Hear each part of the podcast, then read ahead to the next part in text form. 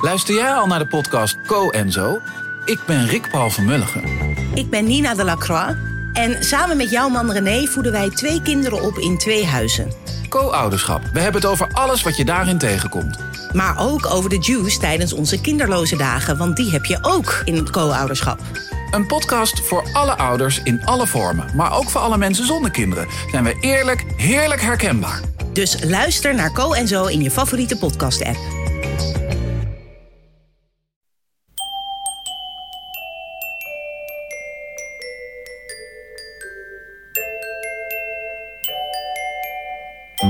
Welkom bij aflevering 413 van Echt Gebeurd. De podcast waarin mensen hun eigen waargebeurde verhalen vertellen.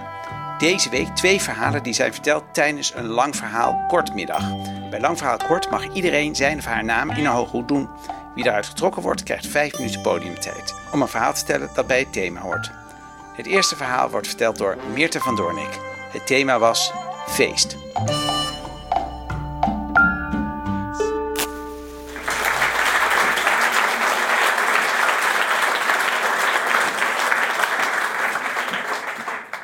Ik uh, ging een keer naar een feestje. Het was niet een heel bijzonder feestje en ik, ik zou het me ook denk ik nu niet meer herinneren. Waar het niet dat, um, dat ik een heel, heel leuke vrouw zag dansen. Ze danste heel erg uh, ja, bijzonder, vond ik. Ik kon eigenlijk niet stoppen met naar haar te kijken.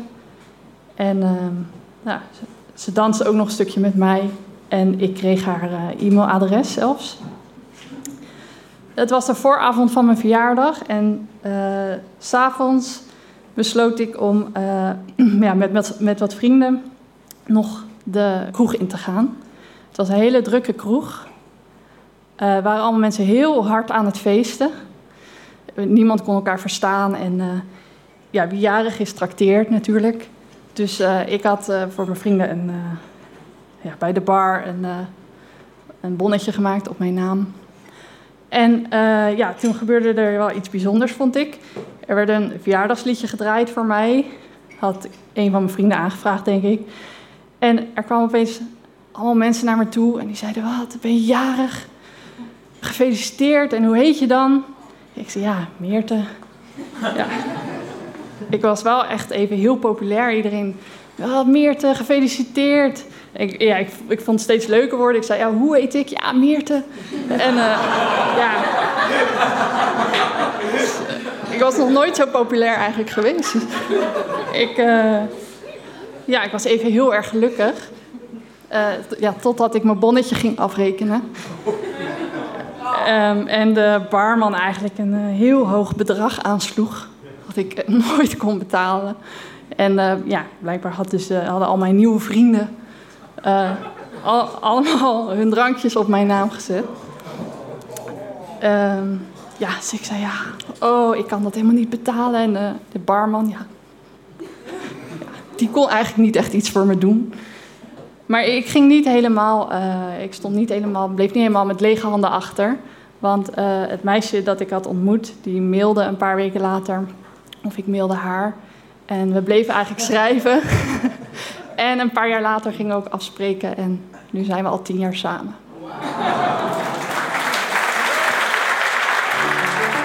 Dat was Meerta van Doornik, die dit korte verhaal in september vorig jaar vertelde toen haar naam uit de hoed kwam. Ik ben blij dat Meerta nu op de podcast verschijnt, want dat geeft mij de gelegenheid om even te vermelden dat deze maand haar tweede roman is verschenen. Met de titel Een tafel bij het raam. Een erg grappig boek over een kok in een klein restaurant. Ik heb het inmiddels uit en ik kan alleen maar zeggen dat het echt een super leuk boek is om deze zomer mee op vakantie te nemen. En dan nu een verhaal dat Sander Beens vertelde tijdens een lang verhaal korte editie in november vorig jaar. Het thema was terug naar school. Ik had op de middelbare school Nederlands van meneer Liefting. En meneer Liefting was echt nog zo'n ouderwetse leraar. Hij was al ver in de zeventig, maar hij vond het gewoon leuk om les te geven, dus bleef hij lesgeven op school. En hij had altijd zo'n zwart laken pak aan en hij, hij dicteerde ook altijd voor de klas en zei: schrijf op, paragraaf 7, golflijntje. En dan moest iedereen een golflijntje eronder zetten, zodat het netjes in iedereen zijn schrift stond. Zo'n man. En iedereen was dus ook een beetje bang voor hem, omdat hij echt nog zo'n ouderwetse, strenge docent was. Uh, maar ik hoefde niet bang voor hem te zijn, want ik was zijn lievelingetje. En dat was ten eerste omdat ik best wel goed was in Nederlands. Goed ben in Nederlands. Uh, maar vooral ook omdat ik een neef heb, of eigenlijk een neef van mijn moeder, Barry. En dat was zijn pleegzoon. Dat wist ik helemaal niet. Maar hij had dat kennelijk achterhaald. En daardoor kreeg ik een soort speciale behandeling. Was hij heel lief voor me. En die liefde voor mij nam alleen maar toe. Uh, nadat hij mij had zien spelen op de grote avond. Ik had daar een Turkse slager gespeeld. En kennelijk zo goed dat mevrouw van Zandwijk, dat was de mediathecaresse, had gezegd na afloop: Dat Turkse jongetje, die kan goed acteren. Ik ben niet Turks. Nou. Uh, meneer Liefding die, uh, kwam de maandag na de grote avond kwam hij naar me toe.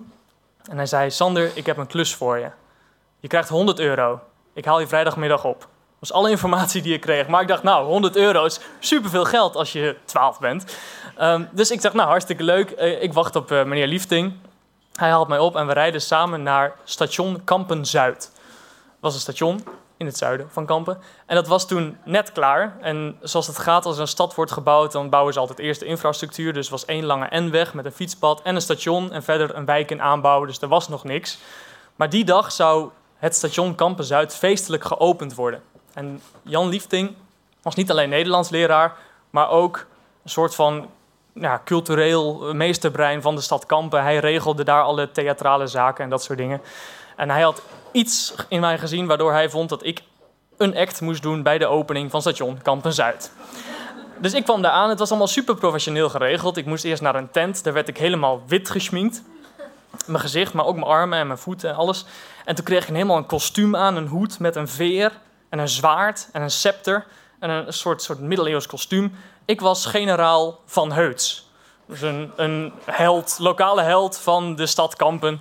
Uh, en ik moest, uh, er was ook een, een dat kostuum was ook helemaal wit, wit gemaakt. En er was een sokkel, die was ook helemaal wit. En daar moest ik op gaan staan als levend standbeeld. En uh, nou, het station werd geopend doordat dan de lokale mensen, dus de bezoekers, de bewoners van Kampen Zuid, mochten dan gratis, zo vaak als ze wilden, met de trein van Kampen Zuid naar Zwolle of andersom. En iedere keer als die trein dan aankwam of vertrok, liepen de mensen eerst langs een bandje.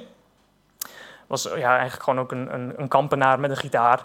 Die zong dan een lied en daarna kwamen ze langs generaal van Heuts. En dat was ik. En dat was de feestelijke opening van het station. En ik stond dan daar en het was een, een, ja, een beetje een druilerige dag in februari. Het was echt steenkoud. Uh, dus ik had allemaal thermokleding onder dat pak aan. Dat Jan Liefding ook allemaal geregeld voor mij. Um, ze liepen ze langs dat bandje. Het bandje speelde een nummer wat ik ook nog letterlijk uit mijn hoofd weet. Het ging als volgt. Dat was de Hanselijn, die werd geopend. Van Lelystad naar Dronten, Kampen Zuid en door naar Zwolle. Als je deze plaatsen aandoet, verkeer je op de Hanselijn. Van Lelystad naar Dronten, Kampen Zuid en door naar Zwolle. Snel weer naar de Randstad met je eigen Hanzetrein. Nou, supermooi lied. Ja, dankjewel. En dan daarna liepen ze langs generaal van Heuts, die dan nou ja, zijn hoed afnam of een buiging maakte of zijn zwaard uit zijn schede haalde. Feestelijke opening. Nou, het was, nou, zoals ik al zei. En ik moest dus van 10 uur s ochtends tot 8 uur s avonds. Ieder kwartier dat die trein aankwam, moest ik op de sokkel staan, een minuut lang. En dan mocht ik er weer af. En dan kocht meneer Liefding kroketten voor me en warme chocolademelk. En um, nou, het was eigenlijk best wel een leuke dag achteraf. Met meneer Liefding. We hebben echt zijn dicht tot elkaar gekomen. Ik heb 100 euro verdiend. En vanaf die dag mocht ik hem Jan noemen. Hij zei: Jongen, van, vandaag mag je me Jan noemen. Hier is 100 euro. En ik ben hem nog steeds ontzettend dankbaar voor de eerste kleine stapjes in de theaterwereld. Dankjewel.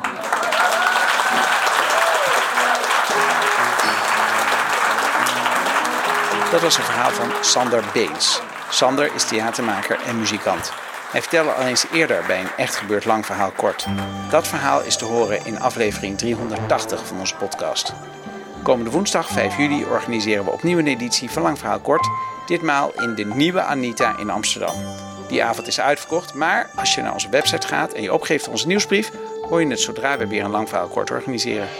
Dit was aflevering 413, waarin twee verhalen te horen waren die verteld werden zonder hulp van onze redactie. Die bestaat uit Paulien Cornelissen, Renette Kwakkerbos, Tom van Rooyen, Ariane Hins en mijzelf, Micha Wertheim. Anne Emmingen is onze directeur en Gijsbert van der Wal onze podcastmaker. Tot volgende week en vergeet ondertussen niet, wie jarig is, trakteert.